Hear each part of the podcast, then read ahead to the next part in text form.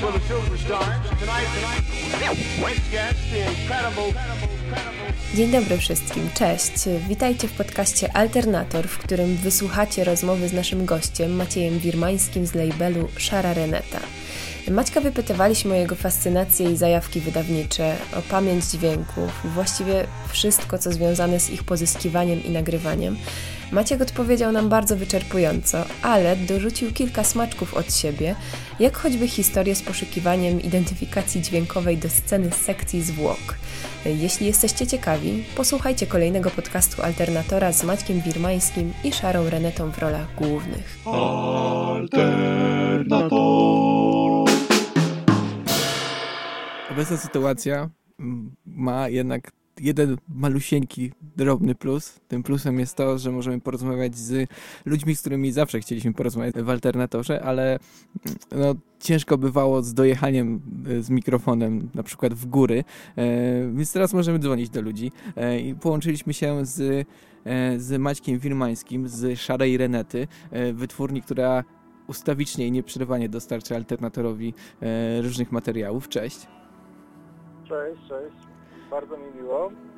Słuchaj, mam Ciebie takie pierwsze pytanie, bo Szara Reneta powstała w 2017 roku. To był taki chyba moment, w którym było mnóstwo, mnóstwo e, różnych e, własnych wypowiedzi w postaci labeli e, i wytwórni, co spowodowało, że Ty zdecydowałeś, że też będziesz miał swój głos wydawniczy i zaczniesz działać jako Szara Reneta. Wiesz, to, nie zgodzę się z Tobą, z, z tym stwierdzeniem, które wyraziłeś na samym początku że w 2017 roku, w 2017 roku się tak dużo działo, jeśli chodzi o polską tak zwaną scenę wydawniczą. Właśnie wydaje mi się, że 2017 rok był takim momentem e, spadku, jeśli chodzi o, o tę scenę, bo, bo w tym czasie sporo wytwórni zawiesiło swoją działalność. Tak, wydaje mi się, że od 2016 roku dużo wytwórni zaczęło wygaszać swoją działalność i wydaje mi się, że ja właśnie trafiłem z Szarą Renetą w taki moment e, sporego spadku. E, natomiast odpowiadając na Twoje drugie pytanie, dlaczego mm, akurat zdecydowałem się założyć Szarą Renetę, bo mm, chciałem wydawać swoje rzeczy. To była tak naprawdę miała być platforma self-publishingowa. Miałem tam kilka pomysłów które chciałem wydać, a byłem zbyt nieśmiały, żeby wysyłać demówki komuś innemu, więc zdecydowałem się, że będę robił to po prostu na własny rachunek i na swoją własną odpowiedzialność. Więc tak się to zaczęło, a z czasem okazało się, że ludzie są zainteresowani, żeby wydawać u mnie, więc w sumie mm, ter w tym momencie w zasadzie swoich nagrań w szarej renecie nie. Czy uważasz, że Twój label ma jakiś jeden wspólny mianownik, coś co łączy wszystkie projekty? Wydaje mi się, że jest jedna rzecz, której nie chcę wydawać na pewno u siebie w labelu. Jest to ambient, więc wszystkie projekty ambientowe muszę przy tym momencie przeprosić, jeśli ktoś wysyła do mnie demówki i auto identyfikuje się jako, jako ten gatunek. Natomiast interesują mnie wszelkie gatunki muzyczne, wszelkie style, które mają w sobie jakiś taki potencjał szumowy i noizowy, więc to jest jakby dla mnie taki wyznacznik. No i oczywiście są to też rzeczy, których e, nikt inny nie chce, nie chce wydawać, które stoją na pograniczu sztuk i to są rzeczy, które, które mnie interesują i które mnie fascynują. E, dość niespodziewanie wy, wyprzedziłeś w ogóle jeszcze moje pytanie i odpowiedziałeś tak już z marszu praktycznie no. na, na, na to, co chciałam jeszcze zapytać i dodać e, wcześniej, ale e, właśnie w ruchu muzycznym pojawił się w pewnym momencie taki artykuł, który niejako podsumowywał, sygnalizował trochę o, o takich wydawnictwach właśnie jak Szara Reneta i tam napisano, y, że tego typu wydawnictwa cechuje taka urocza niekonsekwencja i odwaga.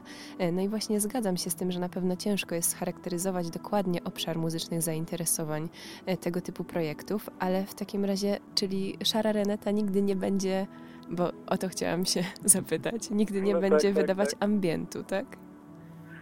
Wydaje mi się, że nie. Wydaje mi się, nie jest to rzecz, która by mnie jakoś fascynowała, interesowała. Nie jest to ambient, wydaje mi się być, być może ktoś się ze mną nie zgodzi, na pewno znajdą się takie głosy, natomiast jest to po prostu rzecz, która mnie, mnie zupełnie nie interesuje. Muzyka ambient, jak sama nazwa wskazuje, jest, jest to muzyka, która być może może być słuchaczowi obojętna, do tego jest zaprojektowana, do tego została skomponowana i nagrana po to, aby mu towarzyszyć, e, towarzyszyć w codzienności. Ja jednak lubię sobie myśleć o niektórych zjawiskach muzycznych i dźwiękowych, które wydaję jako takich bardziej totalnych, to znaczy, że one stanowią w tym momencie e, punkt odniesienia dla rzeczy, które się dzieją dookoła i są to rzeczy, które są pierwsze dla wszystkich innych aktywności. Więc muszą być to rzeczy nieobojętne, więc dlatego myślę o ambiencie być może nie tyle jako o gatunku, co raczej o jakiejś takiej, nie wiem, powiedziałbym formacji intelektualnej, raczej, raczej w ten sposób. Tak samo jak nagrania terenowe, które wydaje, wydaje mi się, że y, są one, mimo tego, że nagrania terenowe bardzo często kojarzone są z ambientem, y, kojarzone są właśnie z, z tą muzyką tła, to, to jednak ja lubię wydawać nagrania terenowe, które mają jakąś jeszcze dodatkową wartość ponad to, aby reprezentować jakiś piękny, szeroki soundscape. Co najczęściej jest tą wartością? Bo ja zauważyłem, że taką najmocniejszą, najbardziej zauważalną y, wartością w field recordingu, też twoich, y, w, w, tym, co ty wybierasz, jest kontekst. Kontekst nagrania, w którym zostało osadzone. Y, tak, bardzo, bardzo często ten kontekst jest też jakiś koncept. Wydaje mi się, że jest dosyć interesujący. Koncept, kontekst, po prostu też chcę w tych rzeczach, które wydaje, rozszerzać jakby myślenie o nagraniach terenowych, jak w przypadku nagrań na przykład Moniki Winczyk z Japonii, które są tak naprawdę osobistą i intymną kroniką, czy po prostu jakąś korespondencją dźwiękową, którą prowadziła ze swoimi ukochanymi, gdy była właśnie w Japonii z teatrem, albo tak jak w przypadku nagrań Agaty Stanisz, która od wielu lat robi nagrania terenowe w ramach swoich projektów badawczych. I są też takie nagrania, które ja robiłem, które są, powiedziałbym, jakąś taką formą takim ekwiwalentem recordingowym małego realizmu. W tych właśnie nagraniach skupiałem się na takich e, drobnych detalach e, życia codziennego, tak jak na płycie, na której nagrywałem e, piec oraz symultanicznie grający piec na drewno oraz pralkę, czy też wtedy, gdy nagrywałem dach, który opierał się wichurze. Y, skoro mowa o tych miejscach i o kontekstach, i myślę, że ten dach, który opiera się w wichurze, również y, dobrze wpasuje się w to moje pytanie. Jakie znaczenie dla, dla szarej Renety ma to miejsce, z którego ona pochodzi? Miejsce to znaczy Podhale? Tak, tak. Y, wiesz co, ja bym raczej powiedział, że miejscem, z którego pochodzi szara Reneta jest internet ja osobiście jestem dzieckiem neostrady, jestem bardzo wdzięczny za tanie usługi telekomunikacyjne oraz tani internet, dzięki czemu mogłem rozszerzyć swoje horyzonty i do, docierać do większej liczby publiczności, komunikować się z ludźmi, nawiązywać z nimi współpracę, wydawać ich projekty. Dzięki temu też e, miałem niewątpliwą przyjemność gdzieś wyjechać dalej w Polskę, mojej wsi do miast wojewódzkich, gdzie mogłem coś opowiedzieć, albo zagrać jakiś koncert, albo dać jakąś prezentację. Ale mówiąc tak zupełnie poważnie i odpowiadając na Twoje pytanie, to wydaje mi się, że nie jestem jakoś tak mocno geograficznie uwarunkowany. Wydaje mi się, że wręcz robię rzeczy, które nie przystoją osobie, która mieszka na wsi, w takim, a nie innym miejscu. Zwłaszcza, że jest tutaj bardzo mocny status kultury ludowej czy to kultury wiejskiej. Oczywiście nie umniejszam jej znaczenia, wszak y, dużą część swojego życia poświęciłem na to, aby w życiu i podtrzymywaniu tej kultury ludowej y, też, też miałem swój udział e, swego czasu, bardzo mnie to fascynowało i nadal fascynuje, natomiast jakby Szara Reneta nie służy temu. Być może kiedyś skieruję swoje oczy właśnie na góralszczyznę, na muzykę wiejską, na dźwięki wiejskie. Mam kilka pomysłów, ale planów konkretnych jeszcze nie. Może bardziej to Podhale po prostu skojarzyło mi się, wow, y, z górami i z taką wszechobecną no, naturą w, przez duże N. I dlatego może bardziej o to pytałam, czy, czy ta bliskość Aha, natury o, o w jakiś naturę, sposób tak? wywarła y, wpływ na, na cały koncept? Myślę, że lubię chodzić po lesie. Las jest dla mnie inspiracją, zdecydowanie. W lesie dzieją się ciekawe rzeczy kryją się ciekawe stworzenia, w górach również, natomiast żyję z nimi w zgodzie i, i, i raczej z nimi nie zadzieram i raczej, raczej myślę, że, że się nimi jakoś tak twórczo mocno nie zajmuję. Czasem halny zawieje, podobno on wpływa w jakiś sposób na to, jak e, ludzie świat postrzegają i w ogóle na zdolności psychiczne człowieka, w tym sensie, że wpływają negatywnie. Podobno istnieje też taki narkotyk nazywany e, zakopianiną, który e, może na człowieka w bardzo różny sposób wpływać. Natomiast zakopianiny nigdy nie dożywałem, a halny, no cóż, to jest akurat prawda. więc, więc na pewno, na pewno jakiś, jakiś wpływ, czy tego chce, czy nie, na mnie ma jak tak się patrzy na 2017 rok i na twój fanpage, to y, ja jestem pod wrażeniem tego, z jakim pietyzmem opisywałeś wtedy taśmy, które wydawałeś jako taśmy y, inicjalne, tak się chyba nazywały. Y, powiedz, czy przez te trzy lata działania wytwórni jakoś zmieniłeś spojrzenie na to, co robisz, na szarą renetę, jakoś zluzowałeś albo zaciśniłeś to podejście twoje do wydawania muzyki? A co ja wtedy napisałem? Bo nie pamiętam. Tam był jakiś, jakiś tekst programowy?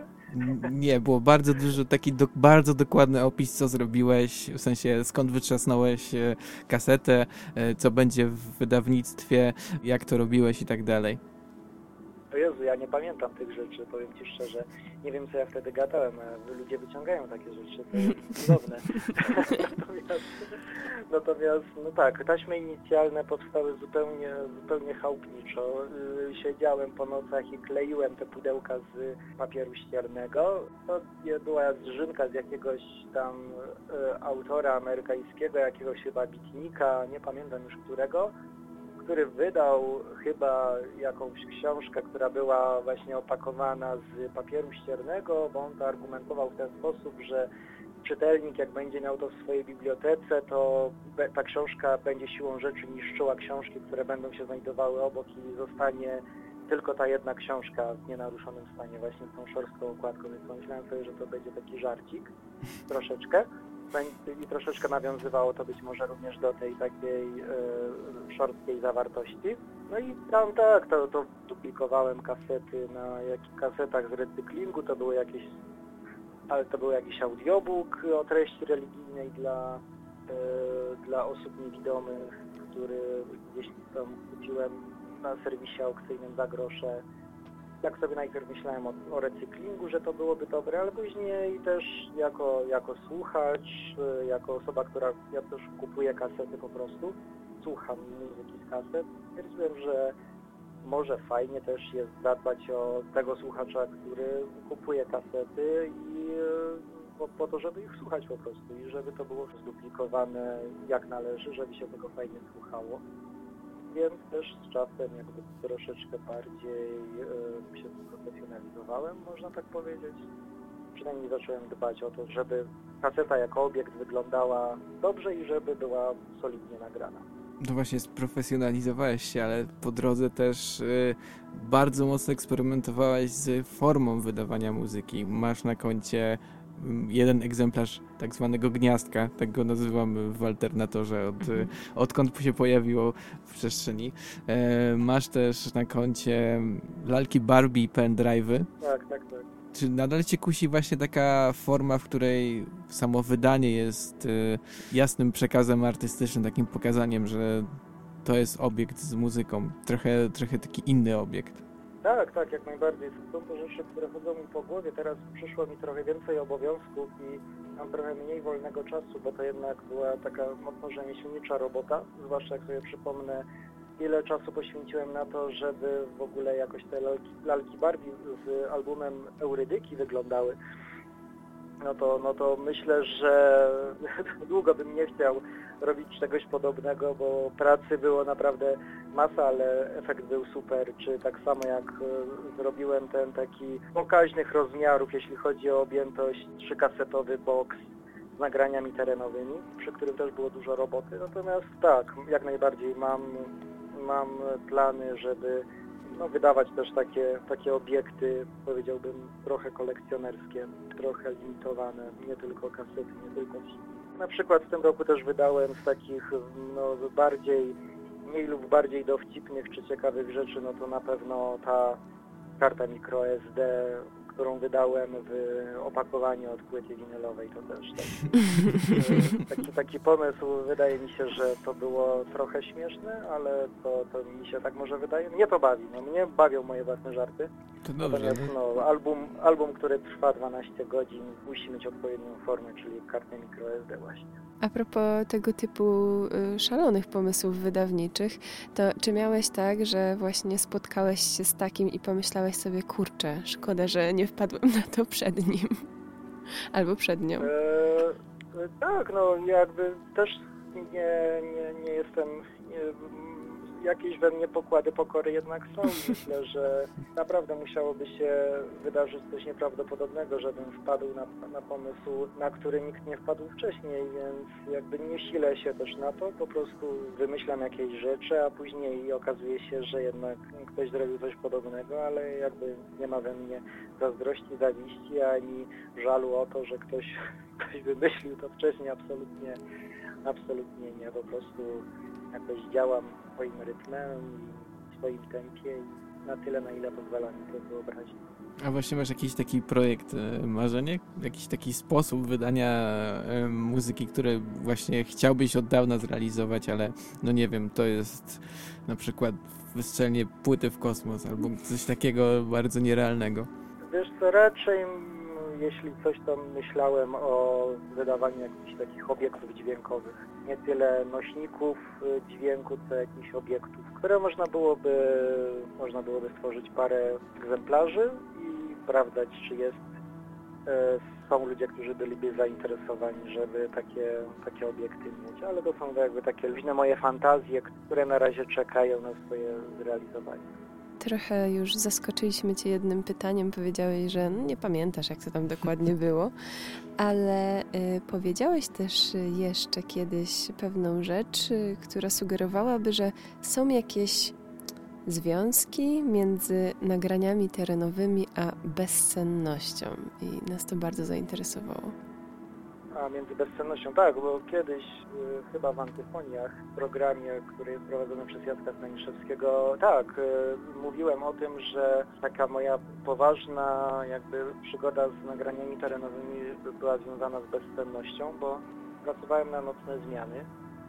Po nocnej zmianie o 8 rano, kiedy byłem wymęczony, nie wiedziałem co ze sobą zrobić, bo z jednej strony zagar biologiczny podpowiadał mi, że powinien w tym momencie rozruszać się mój silnik i powinienem dążyć do szczytu mojej aktywności, ale organizm odmawiał posłuszeństwa, więc brałem po prostu rejestrator, szedłem na odludzie i nagrywałem sobie jakieś rzeczy, albo szedłem po prostu w miejsce, które nie wymagało ode mnie tego, aby czuwać przy sprzęcie, albo sobie drzymałem na trawie, albo na jakimś stołeczku.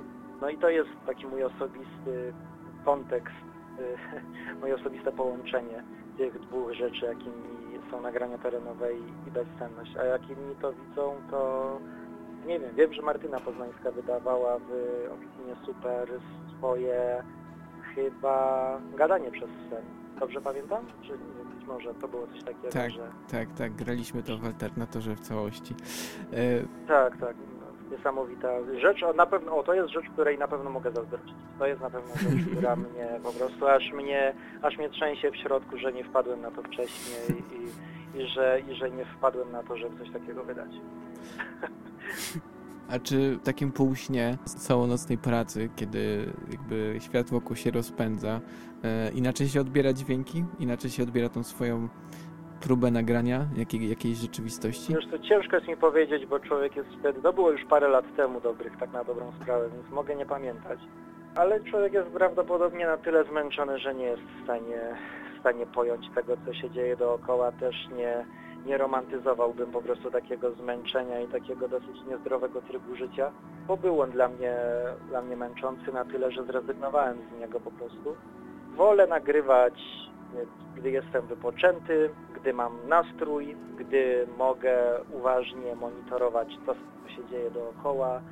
Z pewnością nie, nie powiedziałbym, że zmęczenie sprzyja jakiejkolwiek pracy. Trzeba przystąpić do, do pracy, wiesz, z uśmiechem na, na, na ustach i, i w miarę dobrej kondycji psychofizycznej. Piękne podejście. My je popieramy na maksa.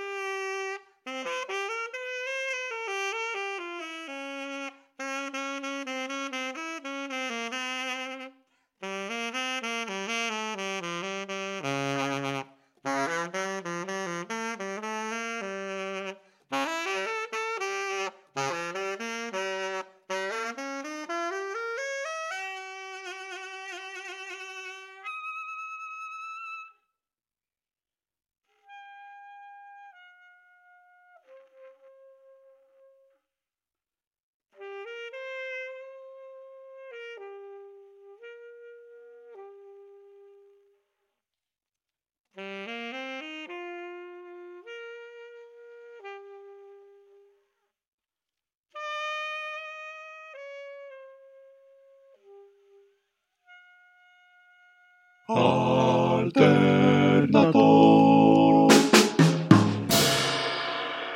Jesteś autorem bloga e, Kultura Staroci. Jesteś artystą, który, e, żeby zacząć jakby działać, to założył sobie własną wytwórnię. No i jesteś właśnie w jakiegoś tam swojego rodzaju kuratorem, e, który wybiera nagrania, które dochodzą do szarej Renety, odrzucając ambient. Powiedz, czy to jest właśnie trudne pełnić te wiele ról? Bo właściwie znalazłem twój wpis na właśnie kulturze staroci i tam troszkę miałem wrażenie, że może być ci trudniej. Wiesz co, powiem Ci, że ostatnio bardzo dużo myślę na ten temat, bo też ostatnio prowadzę, prowadzę dwie audycje w kapitale, które, którymi sobie niejako rekompensuję to, czego już nie robię na blogu, czyli po prostu e, od jakiegoś czasu ten blog Kultura Staroci, no nie publikuję na nim treści, nie znajduję na to czasu.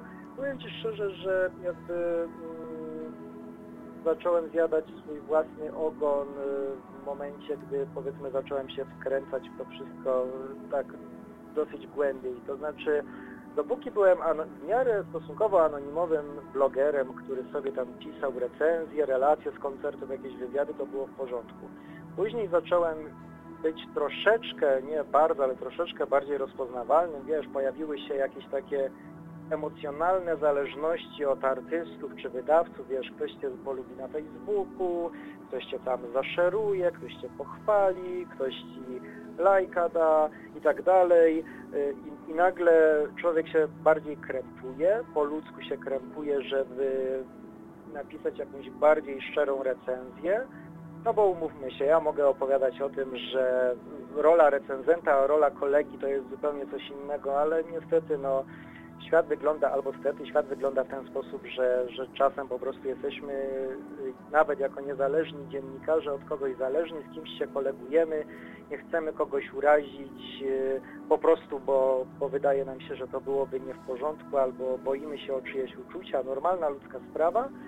I w ten sposób też jakby siłą rzeczy mm, ten mój nieprofesjonalny blog troszeczkę musiał no, musiałem być bardziej ostrożny, stałem się bardziej ostrożny, wydaje mi się, z czasem, a później sobie wymyśliłem ten label. I wydaje mi się, tak, ostatnio sobie pomyślałem, że to jest jakieś, że robienie szarej renety to jest trochę przed, przedłużenie robienia bloga, bo ja też w jakiś sposób poddaję ocenie albumy, które otrzymuję, demówki, które otrzymuję, nie piszę na ich temat, Natomiast decydując się na wydanie lub na niewydanie już wydaje jakiś werdykt. Jest to troszeczkę, wydaje mi się, poniekąd niesprawiedliwe i nieuczciwe, bo nie ma rzeczy, które są bezwzględnie dobre i bezwzględnie niedobre i należałyby się na przykład osobie, która wysyła mi jakieś demo w nadziei, że je wydam słowa wyjaśnienia i to obszerne słowa wyjaśnienia, dlaczego nie chcę tego zrobić, poza tym, że jest to ambient. E, natomiast, natomiast, e, natomiast no, mam ostatnio takie wykminy właśnie na ten temat, że, że jakby to wszystko z siebie wynika, to wszystko jest ze sobą połączone i ostatnio sobie tak myślałem, że jakby też zapaść, jeśli chodzi o, tak brzydko powiem, rynek blogowy i, i ogólnie pisaninę, Y, po polsku o niezależnych płytach, którą obserwuję, bo ja sam też jestem czytelnikiem i lubię, lubię sobie poczytać po prostu, wynika właśnie z tego, że jest nas w tym całym biznesie niewielu, wszyscy się znamy i jest po prostu ciężko jakiś, jakiś ruch. Po ludzku po prostu nie chcemy kogoś skrzywdzić, kogoś, kogoś urazić, stracić być może cenne dla nas znajomości. No i Tyle po prostu. Ale tak jak mówię, wydaje mi się tak, tak już słowem podsumowania dla tej mojej paplaniny, że ten blog i, i wytwórnia są ze sobą bardzo mocno związane i one się w jakiś sposób warunkują. I czy one się w jakiś sposób gryzą i wykluczają, tego nie wiem. Chyba niekoniecznie. Szczerze powiedziawszy, tęsknię trochę za pisaniem o płytach, o albumach mm. i o mm. koncertach i e, tęsknię trochę za robieniem wywiadu. Hmm. Robienie wywiadów jest super, no to na pewno zgadzamy tak, się i tak. podpisujemy obiema rękami. E, czy w takim razie jakimś kolejnym przedłużeniem e, tej e, działalności nie jest właśnie ta, ta działka radiowa, w której też w jakiś sposób wchodzisz w rolę takiego kuratora, który coś prezentuje, coś proponuje? Być może, tak, być może, bo to jest takie trochę, trochę to jest playlista, to jest trochę taka pogadanka, trochę jakaś gadanina, mniej lub bardziej zorganizowana, bo ja prowadzę dwie audycje, jedną o nagraniach terenowych, jedną to jest po prostu autorska, gdzie puszczam sobie co chcę. Może trochę, chociaż wydaje mi się, że na blogu były takie bardziej usystematyzowane jednak. Żywe słowo mówione daje mi więcej możliwości na no właśnie na takie operowanie żywym słowem, po prostu. Natomiast y, większą dyscyplinę człowiek jakoś zachowuje pisząc, takie, takie mam wrażenie. Dlatego tak jak mówię, tęsknię do słowa pisanego trochę y, i do takich y, zgrabnie napisanych y, tekstów. Wspominałeś też, że to pisanie na kulturze staroci było taką formą e, autoterapii, że po prostu lubisz się dzielić e, przeżyciami. Czy to jest gdzieś jeszcze obecne teraz, na przykład właśnie w audycji? Eee, może trochę, tak, tak. No, mm, w niektórych, niektórych momentach wydaje mi się, wydaje mi się, że tak. Jakby też, jeśli mówić o możliwościach terapeutycznych muzyki, to wydaje mi się, że właśnie też wydając swoje własne rzeczy, raczej robię to w tym momencie w takiej trochę niesystematycznej formie, bo najczęściej udostępniam jakieś nagrania terenowe na SoundCloudzie, no to też, też w jakiś sposób to, to, to sobie robię. Natomiast ja jestem gadatliwy dosyć chyba, jak, jak słyszycie, więc w sumie radio daje mi tę możliwość. Lubię też się dzielić tymi nagraniami, które, których nie ma gdzieś na Discogsie, ani nie ma uploadowanych na YouTube'a, więc staram się szukać też takiej selekcji zaskakującej. Staram się szukać rzeczy, które są pozornie nieprzystające do siebie, więc ta autorska audycja czasem ma formę jakichś takich y, absurdalnych y, setów, też nie zawsze przetykanych moimi jakimiś tam y, spostrzeżeniami, nie wiem czy koniecznie mądrymi, ale po prostu.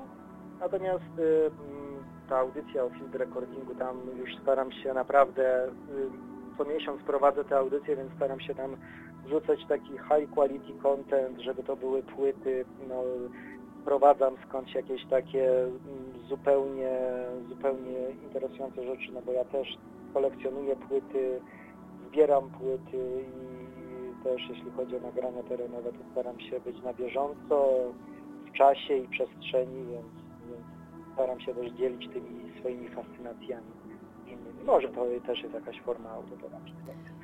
Pozostając niejako w świecie tych nagrań terenowych, interesuje mnie to, jak postrzegasz temat pamięci o dźwiękach. Czy są jakieś odgłosy, które zapamiętasz albo zapamiętałeś y, już raz i, i wiesz, że jakby jesteś w stanie odtworzyć je w swojej głowie? Ojeju, to jest strasznie fajne pytanie, ponieważ nie znam na nie odpowiedzi, bo, bo prawdopodobnie y, gdyby się zadała w jakiejkolwiek innej sekundzie y, czasu, mojego czasu na Ziemi, to odpowiedź byłaby różna. Boże, co, co takiego co takiego bym Ci mógł odpowiedzieć.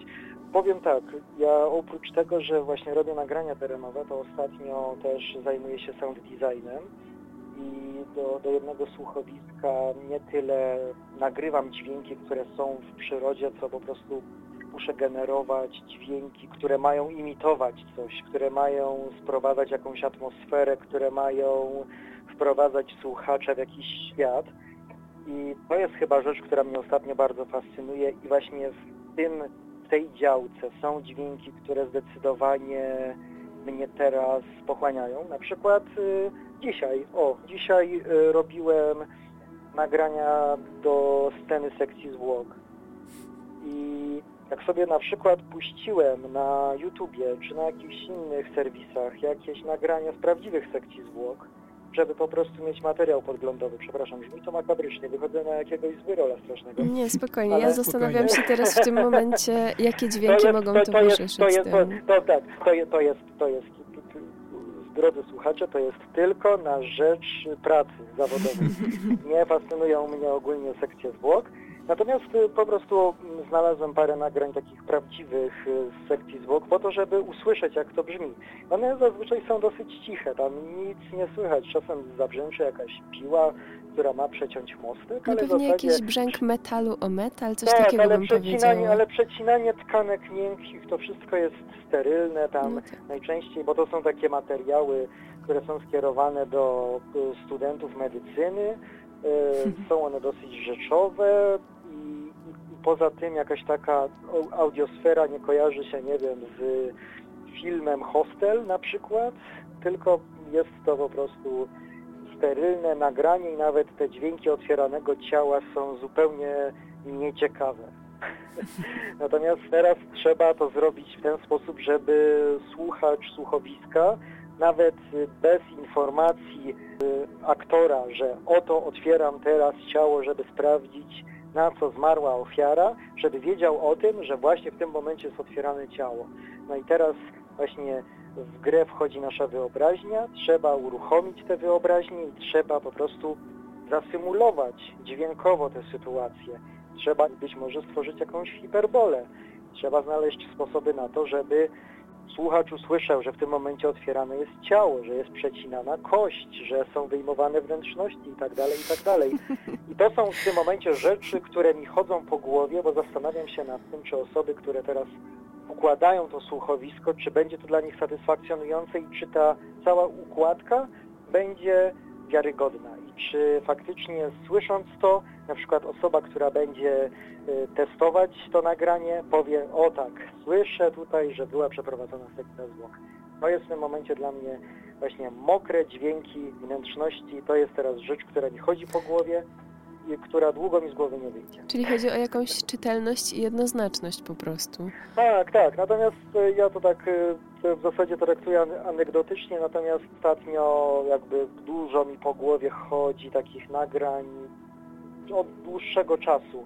Są to takie nagrania, powiedziałbym, w skali mikro, czyli miejsc e, tak jakby z perspektywy małej myszki, Mhm. która sobie mieszka gdzieś w jakiejś dziurze w ziemi i która nasłuchuje w tej ziemi, co się dzieje dookoła. Takie jakby, e, jakby tutaj zrobić jakąś taką metaforę, czy jakby porównać to słuch do zmysłu wzroku, to właśnie interesuje mnie to, e, w jaki sposób przekształcić mikrofon w mikroskop, po to, żeby przyjrzeć się takim najmniejszym detalom, najmniejszym składowym naszego środowiska dźwiękowego i na nich właśnie skupić, skupić swoją uwagę, żeby wejść w świat insektów, małych, y, małych zwierząt, płazów, ssaków i, innych. Tak, dźwięki organiczne mnie bardzo interesują, ale nie tylko mechaniczne, również małe mechanizmy, które, które gdzieś się w środku poruszają, są również dla mnie fascynujące, jakie generują brzmienia, które są w zasadzie dla nas w takiej codziennej praktyce życia i słuchania i ogarniania słuchowego świata niezauważalne. Y, To, co powiedziałeś, bardzo rozbudziło moją wyobraźnię, ponieważ mój przyjaciel ma formikaria z mrówkami i zastanawiałam Aha. się, jakby to było, gdyby tam wsadzić taki malutki mikrofonik i posłuchać tego, y, co dzieje się u tych mrówek. No można to zrobić, mam akurat nagrania, można to zrobić za pomocą po prostu mikrofonu kontaktowego i pozwolić mrówkom chodzić po mikrofonie i wtedy ich tupot, ich małych nóżek i małych czułek y, robi fajną, ciekawą robotę. A czy z tego będzie jakaś e, płyta, jakiś nowy materiał? Nie wiem, wiesz co, ostatnio zajmuję się raczej chomikowaniem i gromadzeniem nagrań. Czasem właśnie wykorzystuję to do jakichś, e, do jakichś projektów e, takich, zajmuję się sound designem, natomiast nie mam jakiegoś teraz takiego ciśnienia, żeby wydawać swoje solowe albumy. Szczerze powiedziawszy, mam w tym momencie taką długą kolejkę rzeczy do wydania w szarej renecie, że nie mam, szczerze powiedziawszy, czasu na myślenie o, swoim, o swoich albumach. To trochę niepokojące, bo cel był taki, że tu jednak będziesz wydawał swoje rzeczy, żeby nie wysyłać demek. E, tak, ale jakby pochłonął mnie ogrom rzeczy, które, które wydają mi inni ludzie, ale jakoś mówię o tym osobiście bez żalu, bo jakby też nie mam jakiegoś takiego ciśnienia, nie spieszy mi się z niczym być może będzie taki czas, kiedy jeszcze Wam zbrzydni ilość nagrań, które Wam będę podsyłał do radia i, i będziecie mnie już blokować, żeby... Nie, nie blokujemy, nie będziemy blokować, jesteśmy zawsze pod wrażeniem właśnie. A powiedz, bo y, jest właśnie dość dużo płytek, które są na koncie Szalej Renety. Czy jest taka jedna, której, którą tak sobie, nie wiem, wieczorami tak siadasz na kanapie i myślisz, ach, zrobiłem to, super rzecz. Nie powinienem tego mówić, więc powiem to. I to jest tajemnica Poliszynela każdego, i to jest tajemnica Poliszynela prawdopodobnie każdego, każdego wydawcy, ale nie przyzna się do tego z powodów marketingowych, ale ja tych materiałów słucham tak e, dużo razy, że już nie mam po prostu siły czasem słuchać po raz kolejny. E, zwłaszcza tych, które mi się podobają najbardziej. E, każdy z tych albumów jest na, na swój sposób wyjątkowy, w tym momencie sobie tak myślę, że chyba, tak szczerze mówiąc, zawsze mnie będzie zachwycała i zawsze będę pod wielkim wrażeniem konsekwencji Calineczki, czyli Michała Stańczyka. Wcześniej grał w bardziej noizowych klimatach jako Alep. W tym momencie gra jako Calineczka te swoje e, minimalistyczne drony i ma też swoją wytwórnię, która się nazywa Important Drone Records polecam wejść na Bandcampa, bo on wydaje, to jest po prostu taki konceptualny label, gdzie wydaje tylko minimalistyczny dron, nie tylko swój, ale innych artystów. Każda okładka każdego albumu jest taka sama.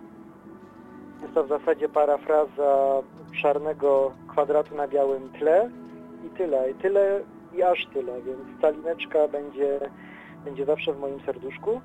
Wszystkie i pozostałe albumy, jestem z nimi jakoś związany. Ja jestem akurat y, człowiekiem nadal niepozbawionym jakiejś takiej pasji do po prostu słuchania tych rzeczy i do emocjonowania się nimi, bo po prostu nie pozostaje mi nic innego z tym całym labelem i z tymi albumami. Ja nie, nie muszę sobie pozwalać na to, żeby wydawać rzeczy, które które mi się nie podobają po prostu.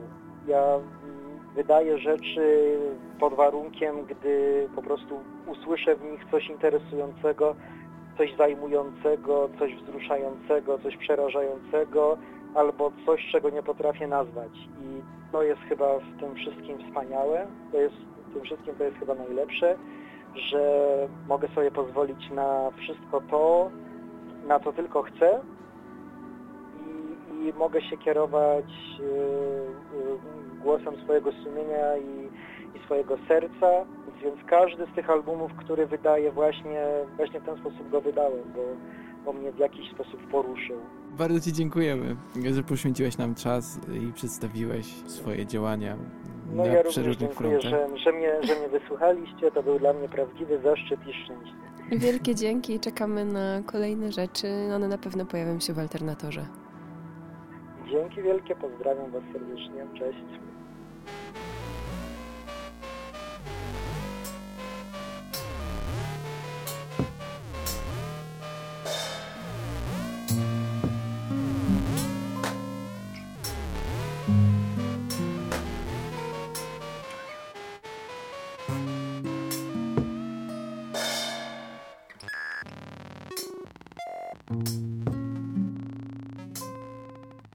Dzięki za wspólnie spędzony czas. Jeżeli chcecie słuchać więcej Alternatora, zapraszam na antenę Studenckiego Radia Żak Politechniki Łódzkiej.